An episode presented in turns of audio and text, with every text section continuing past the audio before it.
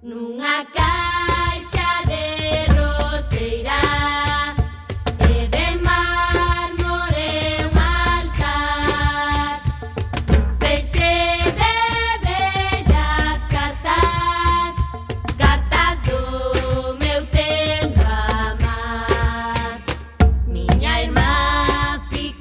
Ola, que tal, xentiña recendeira? Benvidas e benvidos a este espazo radiofónico semanal adicado á cultura que facemos en riguroso directo todos os martes a 7 da tarde aquí en Coaque FM no 103.4, a Radio Comunitaria da Coruña.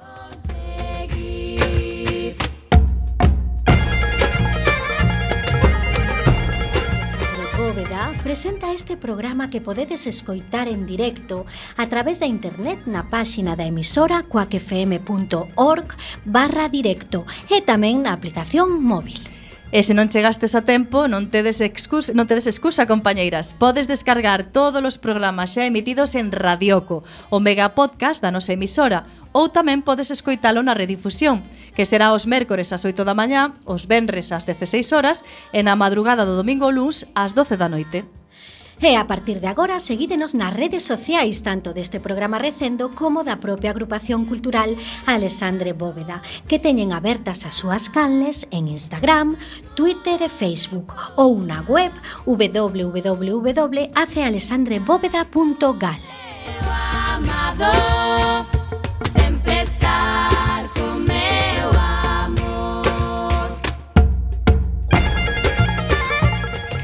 E xa sen máis imos caraló na procura desta fantástica aventura cultural con Roberto Catoira no control técnico. E falándolles coa alma enteira, Diana López e Marta López.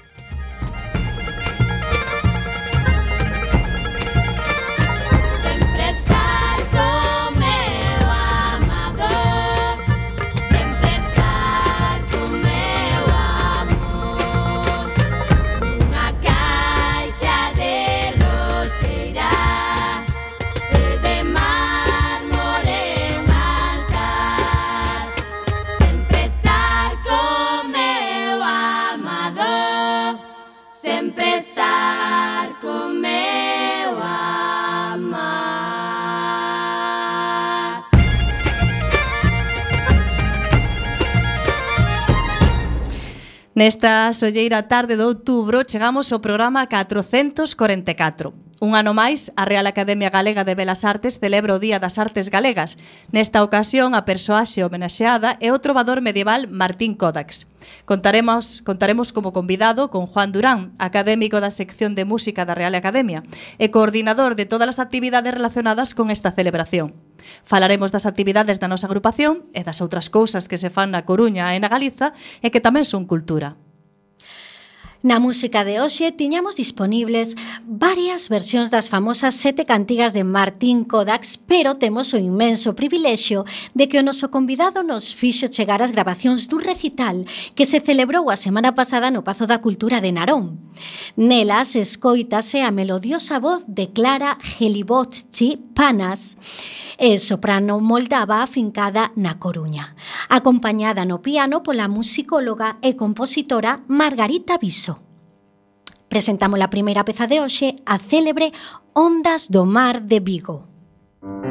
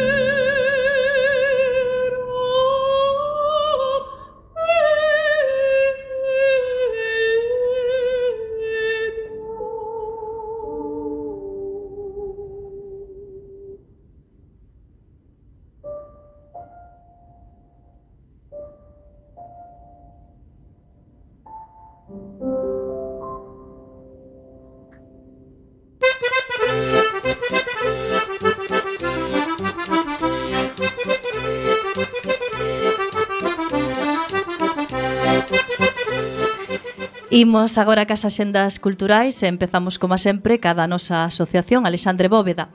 Lembrade que o noso local abre de luns a xoves ás 19.30 a, e ás 20, a 21 horas, perdón, na rúa Santo André 36, primeiro andar, nas instalacións do Círculo de Artesáns. O noso teléfono é o 981 200 869.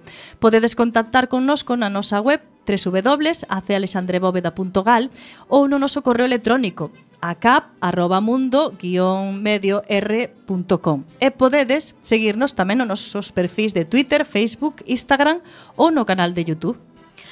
Ben, o martes día 10, o Foro Cívico da Asociación Cultural Alexandre Bóveda retoma as súas actividades cun tema de actualidade a amnistía no marco constitucional. Contaremos con José Antonio Martín Pallín, fiscal e magistrado do Tribunal Supremo. Será a sete media no Salón de Actos do Circo de Artesáns na planta baixa. O mércores 11 comeza un ciclo de catro palestras para lembrar que o Seminario de Estudos Galegos se puxo a andar hai 100 anos. Ese día, Xosé Ramón Hermida falaranos da represión sobre o Seminario de Estudos Galegos, até o punto de facer pasar ao colectivo como un antecedente do Instituto de Estudios Galegos Padre Sarmiento, entidade creada polo franquismo dentro do Consello Superior de Investigacións Científicas, cuns fins antagónicos aos do Seminario. Será ás 19.30 horas no noso local.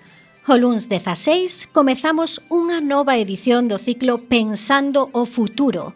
Cinco voces diferentes que queren ser un xeito de contar o mundo. Este día falaranos Francisco Calo Lourido que nos ofrece a palestra A Historia de España, unha construción interesada el falaz. Francisco Calo Lourido é doutor en Xeografía e Historia pola USC e catedrático de Xeografía e Historia. Gañou en dúas ocasións o Premio de Investigación Antón Losada Dieguez. Será a sete e media horas no noso local.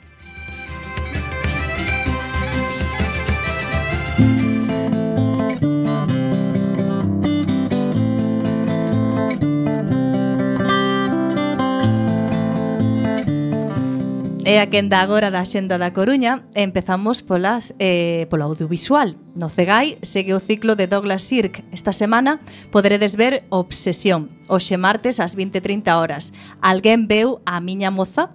O mércores 11 ás 18 horas o seu grande desexo. Eh, o venres 13 ás 20.30.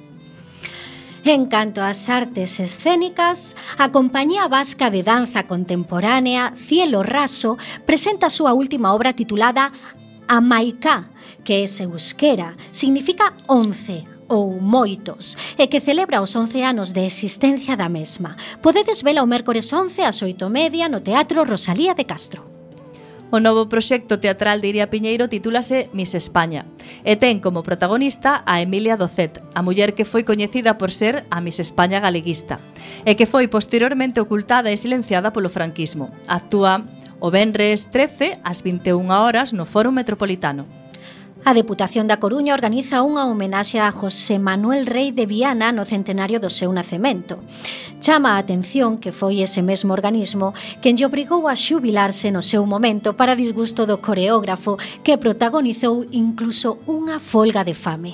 A homenaxe será o Benres 13 ás 8 no Teatro Colón con entrada de balde.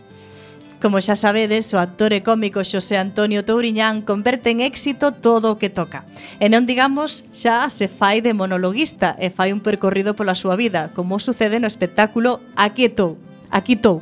Atúa sábado 14 ás 20 horas no Colón. Para público infantil hai un par de propostas. A primeira é So, de Roy Borrallás. Borrallas, que actúa o sábado 14 ás 18 horas no Fórum Metropolitano. A segunda é a compañía asturiana Guayomini Producións, que presenta a obra Calor, calor, o domingo 15 no Teatro do Andamio con sesións ás 12:30 e ás 6 da tarde. Ollo, non o parece, pero esta obra trata sobre Lorca.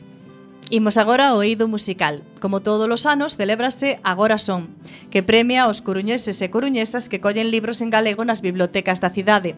Nesta ocasión, o concerto está protagonizado polo grupo Boyanca Costova, os, pioneiros do, os pioneiros do trap en galego. Actúan o sábado 14 ás 21 horas no Ágora. Esta semana tamén hai algúns outros concertos na cidade. Aurora Beltrán e Mercedes Ferrer, dous mitos do rock español, actúan o Benres 13 ás 9:30 na Sala Garufa dentro do ciclo Elas son artistas. E, e os tamén míticos ilegales tocan o sábado 14 ás 9 na Sala Pelícano. O cantautor ferrolán Andrés Suárez presenta o disco Ida e Volta o sábado 14 ás 9 horas no Pazo da Ópera.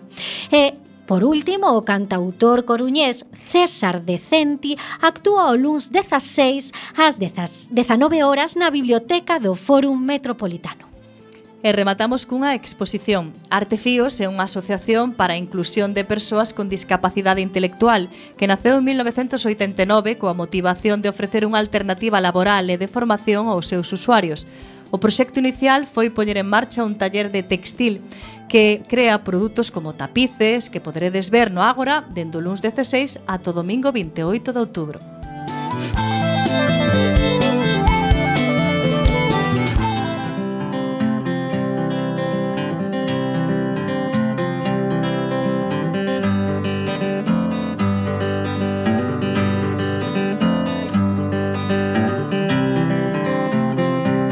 Agora é a quenda da Axenda de Galiza. Comezamos por Ferrol. Se dicimos Teenage Fan Club, seguro que vos soa este grupo a Glasgow que triunfou na primeira metade dos anos 90. Pois 30 anos despois seguen na estrada e veñen presentar o seu último disco titulado End Endless Arcade. Actúan o Benres 13 ás 8 e media horas no, auditorio de Ferrol. E imos a Lugo. É probable que oírades falar de que Touriñán e David Perdomo emitían chats en directo en Instagram durante o confinamento. Pois semella que non lles desagradou a experiencia, pero agora fano en persoa no espectáculo Corentena. A seguinte cita é o Benres 13 ás 20.30 horas no Auditorio Gustavo Freire. En Ourense segue de xira a gala internacional de ilusionismo chamada Galicia Ilusiona. Actúan os magos españois Miguel, Miguel Muñoz e Amadeo Edama, o arxentino Paul Ponce a, venezolana, a venezolana mm, Dania Díaz e o francés Gerald Le Grillux. Podedes velos o domingo 15 ás eh, 18.30 horas no Auditorio Municipal. E imos a Santiago. Tamén había un mago que se chamaba Blake, pero neste caso referímonos a Alejandro Cabrera, máis coñecido como Blake ou BLK, que é un rapeiro e compositor salmantino. Rapeará as súas pezas o Benrestrece ás 20.30 horas na Sala Capitol en Pontevedra. Harry Potter é un filón de tal calibre que dá incluso para facer Harry Potter o musical. Un espectáculo cos mellores efectos especiais de fume, elementos de luz LED, voadores e unha gran cabeza de dragón articulada. Esta maxia poderedes vela o domingo 15 na sede da a Fundación, con sesións ás 12 e media e ás 18 horas. E pegamos un chimpo a Vigo. A prestixiosa banda estadounidense Coléxico volve por Vigo 14 anos despois. Liderada polo cantante e guitarrista Joy Barnes e polo baterista John Convertino, veñen celebrar os 20 anos do seu disco máis famoso titulado First of Wild. Será mañá venres 11 ás 21 horas no Auditorio Mar de Vigo. E hoxe como vila convidada, Rivadavia.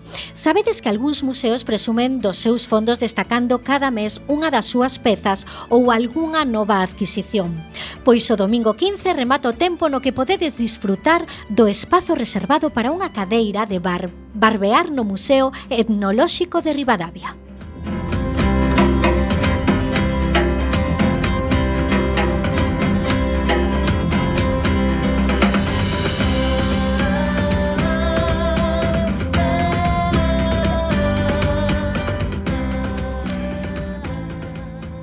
Chegou o segundo programa desta tempada de Recendo. Desta volta, adicamos o programa a unha das figuras máis enlleiras da literatura, a música e, polo tanto, a cultura galega.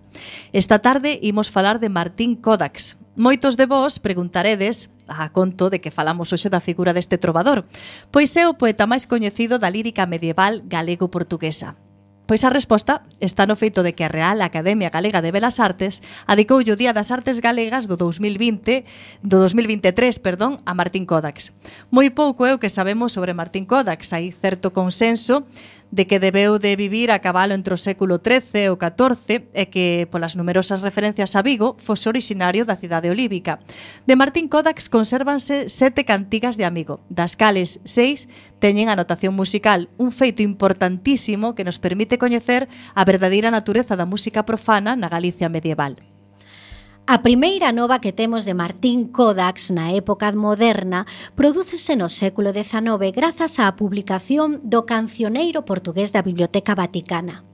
Desta publicación soubemos no Estado español grazas ao erudito Teodosio Besteiro Torres, quen doaría un exemplar do Cancioneiro do Vaticano á Universidade de Santiago de Compostela. 40 anos máis tarde, no 1914, un libreiro madrileño chamado, chamado Vindel atoparía unha folla solta que servía como sobrecuberta dunha edición sobre los oficios de Cicerón. Nesta folla atopábanse as sete cantigas de Amigo que coñecemos de Martín Kodax. Grazas á anotación musical que acompañaban as seis das sete cantigas, Martín Kodax aparece en case todas as compilacións de música medieval hispánica. Este feito, xunto con que se lle adicou O Día das Letras Galegas no ano 98 fan de Martín Codax o trovador medieval galego máis popular. Para falarnos sobre a figura de Martín Kodax, contamos esta tarde coa compañía do compositor Juan Durán. Moi boas tardes, Juan. Boa tarde. Para comezar, eh, lembras cando foi a primeira vez que tiveches coñecemento da obra de Martín Kodax? A ver, eu adoito decir que Martín Kodax o estudiamos no colexio, non? É dicir, así como hai outros compositores galegos que precisan dunha presentación porque desgraciadamente non hai un coñecemento como teríamos que ter non? por parte dos nosos máis egrexos compositores dígase Marcial de la Daliz ou Manuel Quiroga en fin, tantos eh, pero Martín Codas non eh, de feito prácticamente unha marca podemos decir non? bueno, a xente incluso pensa Martín Codas, pensa no, unha botella no. de albariño, non? Máis ben, sí. Ou nos premios Martín Codas, en fin, é unha marca. Eh, e non precisa presentación, entón, eu non podo decir, supoño que sabería del como estudante, non? O que pasa que eh, a parte musical que é a que nos interesa, porque é a que poñemos en valor na, na academia eh, co esta dedicatoria, eh, esa parte xa dun coñecemento desgraciadamente máis tardío porque, bueno, eh, non está tampouco tan presente a figura de Martín Codas, a figura musical como, como teria que estar. De feito, si ti repasas a bibliografía eh, na parte filolóxica é abundantísima. Sen embargo,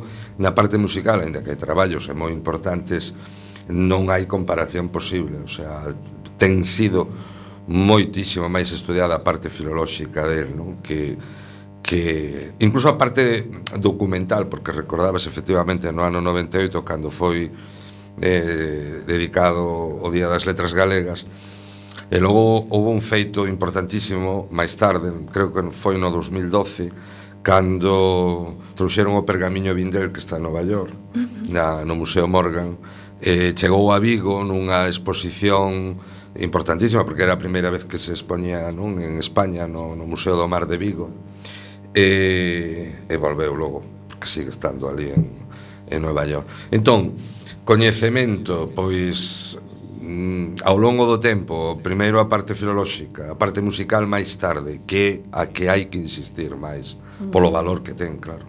E a impresión que che causou?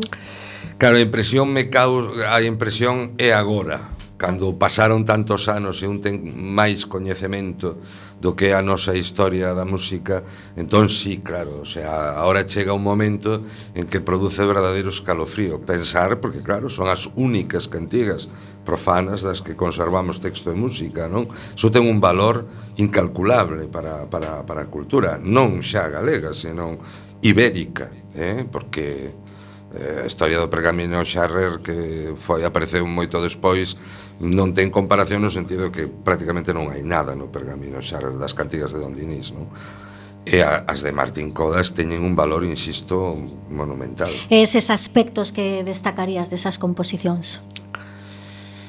A ver, eh, aí hai moito. De feito, é un tema que está aberto, non? Porque levamos dende o 1914 que aparece o pergamiño Vindel, levamos con transcripción e transcripcións e transcripcións eh, parece que a última de Manuel Pedro Ferreira de 1986 publicada no libro Som de, de Martín Codas na Universidade de Lisboa parece que a, a que pode, podería ser a, a definitivo en todo caso, bueno, a máis considerada neste momento Pero curiosamente, aínda que un nada, un papeliño, ese pergamiño contén moitísimas cousas, non podería realmente decir, non? Eh, algo, un aspecto ou outro.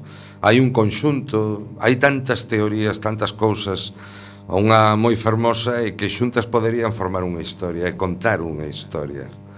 Non sabemos se si hai que facelas como están ordenadas no pergamiño, no pergamiño Vindel, ou si alteramos a orde que está no pergamiño, contan unha historia da enamorada que está esperando polo seu amado e ao final chega, eh, como di o texto, vivo, eh, vivo e san, sano eh, e do rei amigo. Eh, entón, eh, é interesantísimo, porque claro, eh, o copista ao mellor, a hora de ordenar as cantigas no pergamiño, aproveita os espazos para colocalas ordenadas, pero non pola historia cronolóxica que sigue, eh, non cronolóxica, perdón, pola historia que está a contar, non?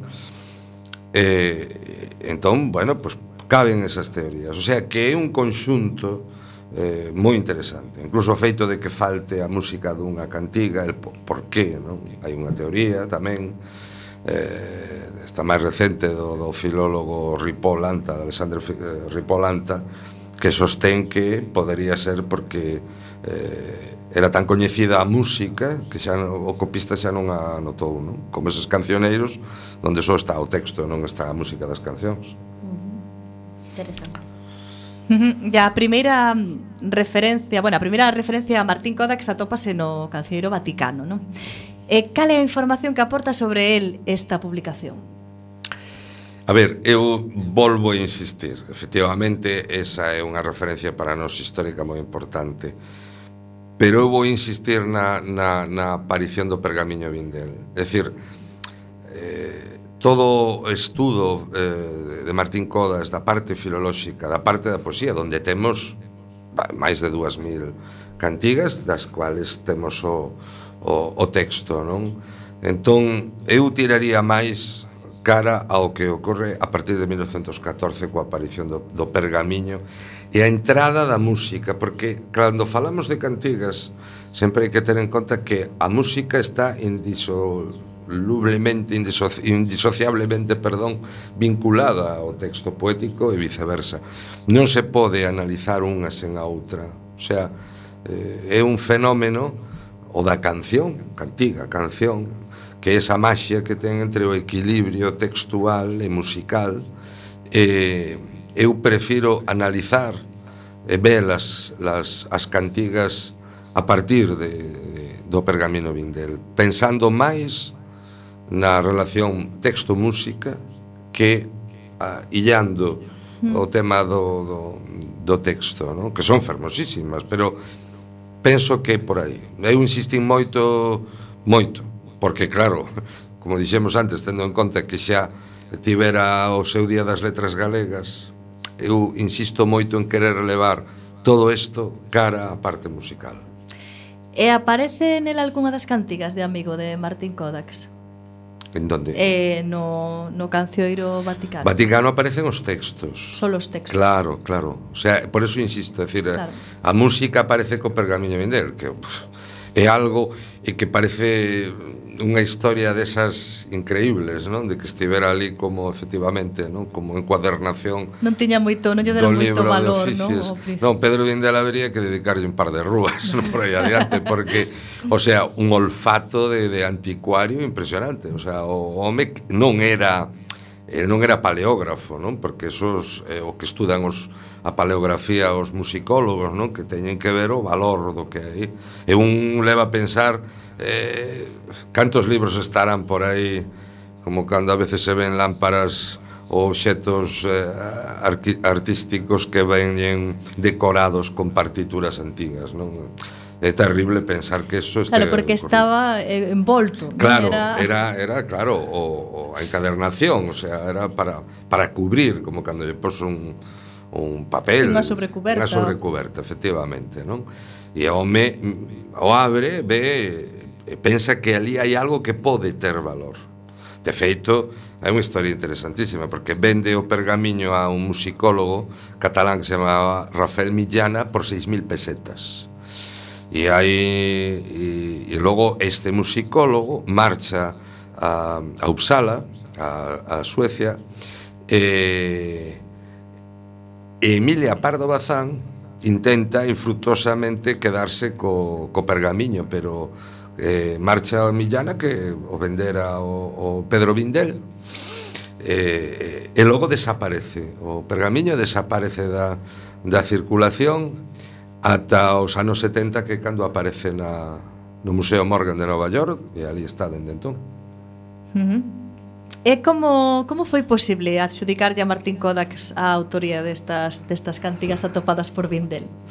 Pois pues porque está a sinatura del, pero máis de, máis non sabemos, non? Efectivamente, isto pues, pasa como co Mestre Mateo. Uh que teñen aí unha vinculación moi cercana, nos además con Codia das Artes Galegas, de, das Artes Galegas como primeiro ano se dedicara ao mestre Mateo. E de feito se collera o 1 de abril a data do Día das Artes Galegas porque a data que aparece no dintel do, do Pórtico da Gloria pero xa sabemos que de mestre Mateo sabemos que está a súa o seu nome, a data e non sabemos máis. Eh, en no caso de Martín Codas igual, entón caben todas as especulacións posibles, se si era home, se si era muller, se si era o copista, se era o compositor, porque podía ser o copista. E, eh, e, eh, e, eh, e máis, despois, bueno, hai especulacións con respecto ao apelido, Codas, Codas, por onde se pode situar, pero pero non sabemos máis como asunto de Vigo, eh, do século XIII. Ahora, o que, o que sí podemos rastrear de unha maneira moi... Buf, mm, a ver como diría... É o que a música aporta emocionalmente. Eh, hai unha cousa que é moi interesante.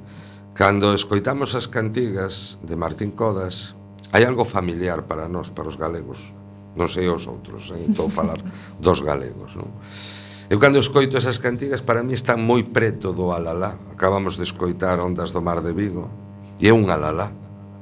Esa liña que ten E, e ten unha relación tan directa co que son as nosas cantigas do rexurdimento, non? A nosa emblemática negra sombra que é a máis xenuína para representar do que estamos a falar, non? Que esa ese melos, esa melodía que ten unha, bueno, esa saudade, esa melancolía, esa tristura, esa liña, esa dulzura. Eh, hai algo familiar. Hai algo familiar para nós. Eh, entón, bueno, hai moitas, poderíamos, non sei, eh, falando. Trouxeches dúas pezas. Trouxen unha dúas máis. Sí. Que ademais teñen o valor xa o dixeches de, de que estaban efectivamente no concerto de Narón e hai que dicir que Margarita Aviso aí fai algo máis que tocar o piano porque fixou unha transcripción ela da, eh, das cantigas. Juan, queres presentar unha das, das cantigas das que trouxeche? Eh, enviei eh, Ondas do Mar de Vigo, Mandade comigo esa última Cuántas sabedes amar? Que es, Esa será esa. a siguiente Pero Podemos vamos facer... a escutar a primeira, non? Eh, Mandadei comigo, por exemplo. Ah. Cal, cal queres que escoitemos? Por orden da, da, da transcripción de Margarita Mandadei a última. Entón eu poñería Cuántas sabedes amar? Que está no medio do, do ciclo. Cantada tamén por Por Clara, por Clara Panas, Margarita o piano Que é a que fai ademais a transcripción Esta transcripción é dela.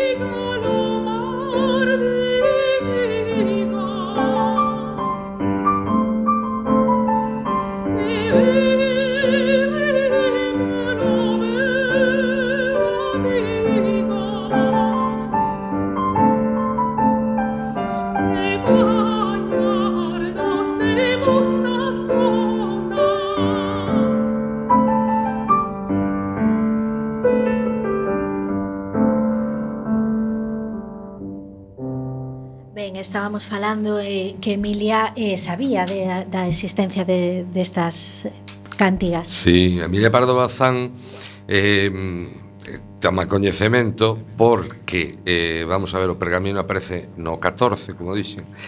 En 1917, eh, Santiago Tafal, que era uh, coengo e eh, mestre de capela da Catedral de Santiago, fai a primeira transcripción das, das cantigas. El, eh, A transcripción é porque estamos a falar dunha notación, se chama notación neumática, estamos a falar dunha escritura antiga, non?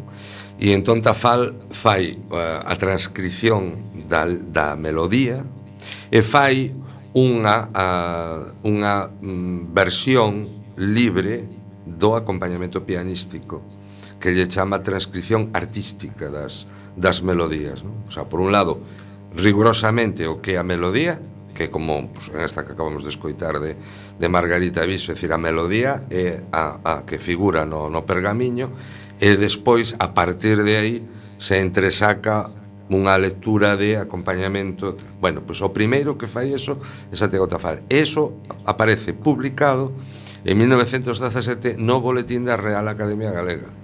Entón Emilia Pardo Bazán pois claro, tiña algo que ver coa Real Academia Galega toma coñecemento eh, das, das cantigas e intenta eh, conseguir o pergamiño eh, e impedir, sobre todo, que o pergamiño marchara para Uppsala, non? Moi ben. Eh, eh, no, pero quería preguntar, sí. entón ela eh, eh intentou mercalas tamén ou intentou que de alguma maneira Sí, eh, su, sí, non podo asegurar exactamente cal foi a súa xestión ao respecto, pero que era consciente do valor que ali había e que quería que non marchara, non? Pero ao final, claro, estaba vendido e, e o Millán aquel marchou, porque era un psicólogo catalán, marchou co, co pergamiño, non? E logo, ademais, é que desaparece, non sabemos mm, como chega a Nova York, non? En, donde está na, no Museo Morgan. Eso é descoñecido, entón. Sí, sí, é unha é que toda a peripecia do pergamiño de Vendel de, da maneira en que aparece, non? Eh, ata agora pois é eh, E todas as especulacións, é dicir, todo o tema das transcripcións son a partir de 1917, da primeira que fai Santiago Tafal, pero despois hai unha de Higinio Anglés. Eh, o padre Calo non chegou a facela, aínda que escribiu moito, el ten fixo moitísimas transcripcións. Sabemos que padre Calo foi o, o noso musicólogo máis internacional, non? E Higinio Anglés fora o mestre de, do, do padre Calo, que foi o que fixo a transcripción das cantigas de Santa María, non? Pois hai, e despois xa de musicólogos máis recientes, Ismael Fernández de la Cuesta, etc. A ver, das cantigas hai eh, toneladas de grabacións e de versións, non? porque hai unha cousa moi importante que tamén hai que ter en conta con Martín Codas. Martín Codas é un referente na música mm, medieval e na música galega tanto da popular como da culta Entón, a Martín Codas acuden eh, músicos que se desenvolven no ámbito da música tradicional, do que chamamos o folk, etc. E tamén do ámbito da clásica. E, hai unha misturado totalmente, non? Eh, pola, pola tesitura que teñen, ademais, non ten por que ser un cantante lírico cunha voz eh, educada como coa voz impostada. Pode ser un cantante que, mm. que non teña tanta extensión vocal, pero as cantigas non teñen moita extensión. Entón, eh, permite permite un achegamento por parte de, de moita tipoloxía de, de músicos. Tampouco é un virtuosismo musical, non? son cancións que teñen un acompañamento sinxelo normalmente porque está o acompañamento ten que estar ao servicio do, do canto. Entón, pois eh, E xa digo, entón, as transcripción, digamos, as que están escritas, publicadas, oficiales, ata chegar a de Manuel Pedro Ferreira, que xa citei, que de 1986, pero hai moitísimas versións que mellor non están escritas en papel, eh, na partitura, pero que hai cantidade de, de grupos, de intérpretes aquí mesmo en Galicia pois de xente do mundo eh, do folk como pode ser Carlos Núñez ou Doa ou grupos de pois teñen feito cantigas de Martín Codas eh? o que pasa que bueno a parte digamos máis escolástica ou máis académica claro a, o que é a transcripción hai un rigor aí tremendo porque de feito xa digo un tema aberto porque hai que ver toda a parte eh, tanto da prosodia como da música. Os acentos textuais teñen que coincidir cos acentos prosódicos. Todo iso complexo para poder realmente determinar e poñer unha barra de compás actualmente, eso non estaba compaseado, por exemplo, non? Entón, chegar a decir se aquelo unha negra, unha branca, e aquelo un 2x4 ou un 3x4, iso hai que mm, eh, hai que ter moito cuidado onde un se mete, non? porque son cosas moi serias. Claro, que era normal que esta xente tivese coñecementos da notación musical. A ver, a notación musical aparece no gregoriano para non ter que memorizar. Eh, digamos, era un indicador para que os monxes eh, que cantaban o gregoriano non tiveran que memorizar centos e centos de, de, de pezas, eh? o sea, é unha cuestión casi mnemotécnica, non? Para decir, bueno, pois pues, eh, se, mm, claro, é como unha guía, digamos. Eles entendían perfectamente o que estaban ali. E nós o que facemos con todo o coñecemento que teñen os paleógrafos e trasladar eso á nosa notación actual, ás nosas alturas.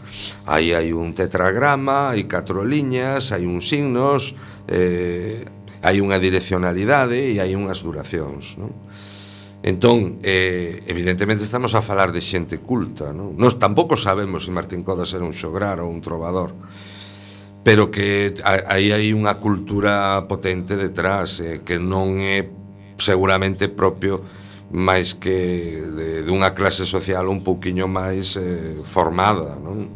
De algún xeito. E todas tiñan música. O que non sabemos é eh, cantas hai por aí ou desapareceron ou onde están, non? porque é a única profana, profana. Eh, a vida destes trovadores medievais. Buf, buf. Xa digo, o, o hai eh, habería que dilucidar non? a diferencia, digamos, social, se si era o, o xograr ou o trovador, se si era un segrer, se si era Claro, porque a partir desta eh, a partir desta folla de Martín Codas eh pódese dicir que era un trovador popular de vida. Eh, É que non se sabe, se sabe del, non? claro. Xa digo, non sabemos, nada, non sabemos, non sabemos. Podemos especular, pero nada sí. máis que podemos especular, estamos no século XIII eh, máis ou menos tamén todo toda esa todas esas cuestións e que telas un pouquiño pero non importa, quero decir, a ver eh, temos así estas cousas eh, que son moi normales de un pouco de mitomanía cos artistas e cos creadores, non? De coñecer a súa vida, a súa peripecia vital. O máis importante que temos que ter dun creador é a súa obra. E aquí a temos. O máis importante que temos de Martín Codas é que temos a música, co texto, o texto coa música. E eso é o máis importante. Ahora, se tiña os ollos azuis ou ou se era de cangas, porque a todo isto co asunto de, de Vigo tamén podes especular se era do Morrazo ou, ou de Vigo, porque ali, claro, ese mar, non? hai cousas. O de bañarse nas ondas, coa playa da Lanzada, mm. eh, hai para especular é moito. Eh, bueno, son ou foron habituais achados similares ao feito polo, polo libreiro? Non, que eu saiba, non. Non, non, isto foi... Foi, foi pura casualidade. Pura casualidade de olfato, olfato de, de bo anticuario. Como bon libreiro. Claro, claro, claro, efectivamente. E que seguridade temos de que agora mesmo estamos interpretando esas partituras como é debido? Pois, xa apuntaches algo sí. nese sentido? Pero esta é unha reflexión moi interesante porque mm, eh, aquí tivemos a experiencia dos instrumentos do Pórtico da Gloria, eh, todo eso está moi ben, ese tipo de especulacións está moi ben porque nos obrigan a, a traballar, a darlle voltas ás cousas, non? E, e pensar e tomar decisións. Ben, pero hai que ter moito cuidado porque eh, mm, a música eh, ten a particularidade evidentemente de que un, unha partitura que hai que interpretar cousa que non ocorre nin coa pintura nin coa escultura eh, ben entón claro a, a, a partitura como decía Mahler, na partitura está todo menos o esencial, non? É unha frase moi interesante de Mahler. Pero ben, é o que temos, e temos que interpretar a partir de aí. Ben, pois no barroco, no barroco que está aí al lado, como quen dice, non temos, non sabemos como sonaba a música no barroco, non? Por que? Porque eh, os instrumentos, eh, por exemplo, os instrumentos de corda frotada, eh, pois as cordas eran de tripa, non, non teñen nada que ver, entón, non, non temos coñecemento de, realmente da, das, de como soaba a música nos tempos de Bach ou de Händel, non? Entón, máis complicado sería saber como soaba no, no século III. Es que ni sabemos os instrumentos. Ahora, podemos especular? Pois sí. O sea, si alguén é capaz de mm, eh, abstraer o que está no Pórtico da Gloria respecto pois do famoso eh, instrumento o mm, a ver se o digo eh, o mítico que está na, na parte central da, da, do pórtico o organistrum se somos capaces de, de montar un organistrum non? con toda esa combinatoria de, da polea tipo zanfona coas cordas bueno, eu son hai que ser un poquito escéptico e, eh, bueno, e logo seguir pensando e especular, pero bueno, é moito, moito pensar como podría sonar aquelo. O que sí, o que sí, o que sí interesante, además eu sei que Marta é cantante. e isto sí que lle vai gustar. O que sí sabemos é que hai un instrumento que non mudou nos últimos miles de anos, que é a voz humana. E eso é moi interesante, porque tamén isto pasa igual que que que coa vida de Martín Codas, non? Que queríamos saber cousas dele non, non sabemos. Entón querías, queríamos saber como eran os instrumentos, como soaban. Pois o máis importante de todos que a voz non mudou. O que cantaba se era un home ou unha muller. A protagonista é unha muller que a que está añorando o seu amigo. Pois unha voz de muller cantando Ondas do Mar de Vigo, non sei se empezaba unha segunda, unha terceira o intervalo para arriba ou para baixo pero a liña tería que ser a liña natural coa que cantamos ou que non? E iso é interesante, porque esa sí que aí no século XIII soaría prácticamente igual. Prácticamente igual. Pois queres presentarnos a seguinte peza? Pois a seguinte eh, eh, das últimas que ten o, o ciclo Mandade comigo Que tamén eh, é o, o A namorada que está sempre coas amigas, eh, incluso a nai que aparece no, no texto, que para que vayan con ela a, a esperar polo seu amado a, a bañarse nas ondas sería mandade comigo, sí. Thank you.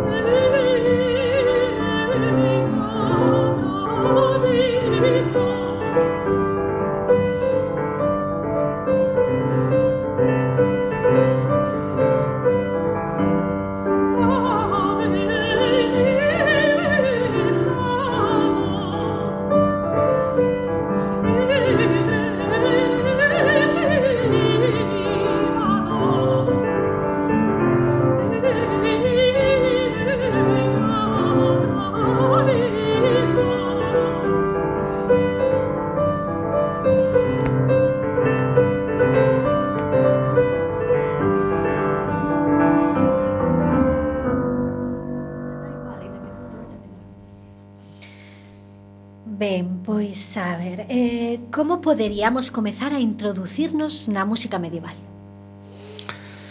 Pois mira, eu faría un proceso contrario, iría de adiante a atrás, en vez de atrás a adiante. Eu collería as cantigas do rexurdimento e eu insisto sempre en que mentre Rosalía de Castro estaba a facer a obra fundacional do, do rexurdimento galego, non? que son cantares gallegos, que por certo sempre hai que recordar que eran cantares, cantares de cantar.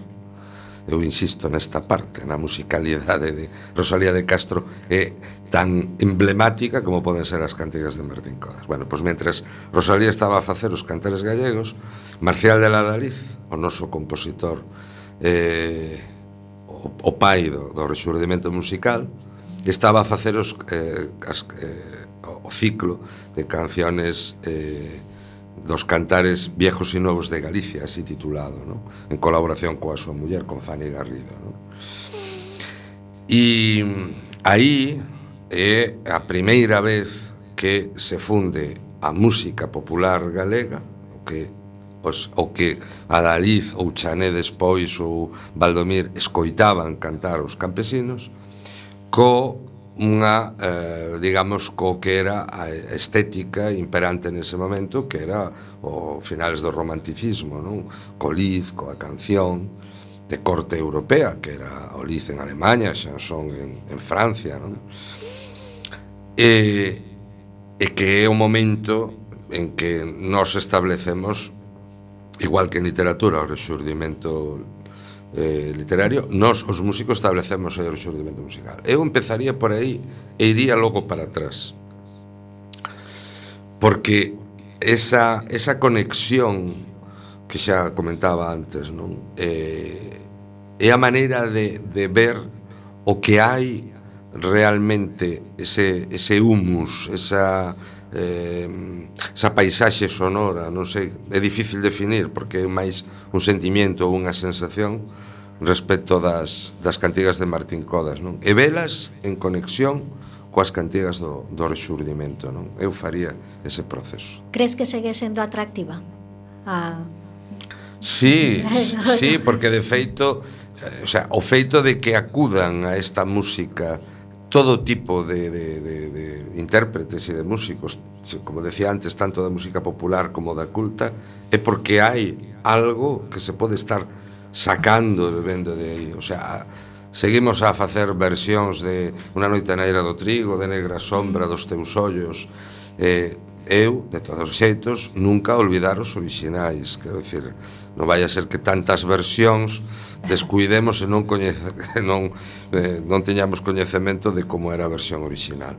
Pero eso é porque un material, cando un material levo permite acudir a ele, revisitalo e vestilo con outras ropaxes, non? E habería posibilidades de descubrir novas todavía. Sí, eu penso que as cantigas, xa digo, é un tema que está aberto, sigue aberto a, a, a todo tipo de interpretacións. A última, xa insisto, de Manuel Pedro Ferreira de 1986, que iso é nada, está aí al lado. Queda moito todavía por, por, por especular.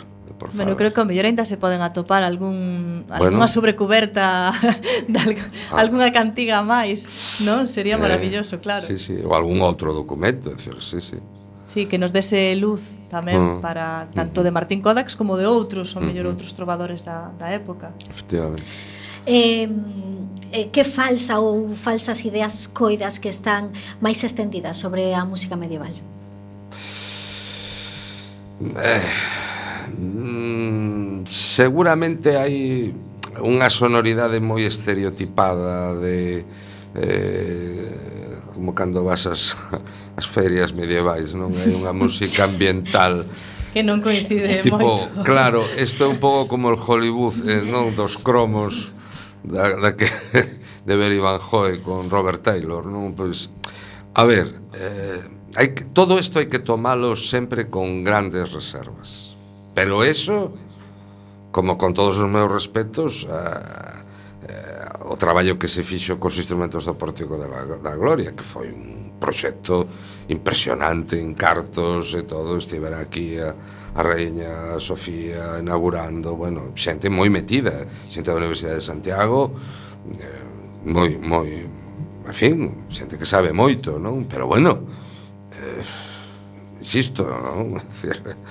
Se non sabemos como soaba a música de Bach, pues, a ver, eu se, sempre pouquiño escéptico, non caer nos manierismos, non, respecto a por exemplo, unha cousa que foi variando, que vai variando moito respecto á música antigua son os tempos, non? Antigamente había unha tendencia a facelo todo moi lento, moi lento, non? Unha versión como moi romántica, pero non non a, non fai falta ir a, tan a, tan atrás. Se ti colles as a versión das famosas cuatro estaciones de Vivaldi non ten nada que ver as versións que facía Karajan nos anos 60 cunha lentitude e unha sonoridade coas versións barrocas que se fan agora que van moitísimo máis rápido os instrumentos, o sea, unha simplemente no tempo, tempo rítmico, se hai unha variación moi grande. E bueno, e para rematar, Juan, porque se nos está acabando o tempo, por desgracia, eh, que disco ou grabación nos recomendas das cantigas de Martín Codas? Pois a que está por... A que estamos escuitando, a, a esa que, sí. Claro, a que está por facer, non? Efectivamente. Hai tantas, hai moitísimas, e hai de todo.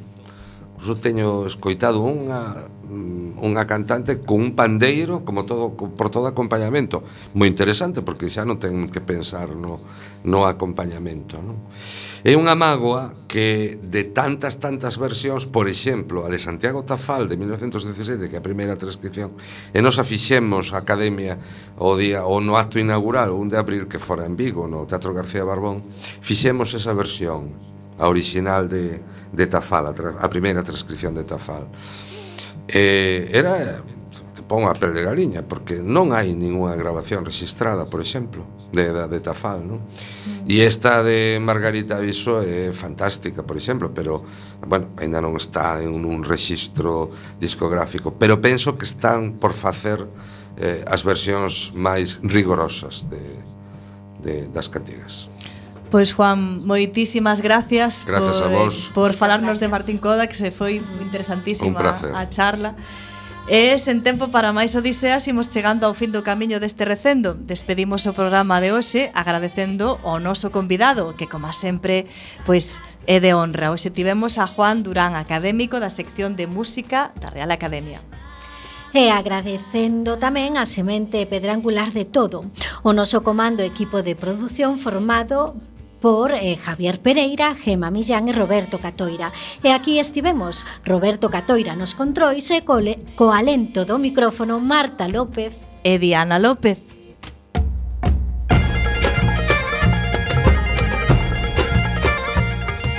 acompañándote neste recendo de palabras e de imaxes radiofónicas que nos traen este aroma cantado na nosa lingua e que nos permite hoxe e tamén no futuro a permanencia da palabra, da música e da implicación e o compromiso coa nosa nación, a Galiza. Ate o vindeiro martes a 7 da tarde en directo nesta emisora Cuac FM da Coruña. Xa sabedes, recendo as mil primaveras que terá o noso idioma.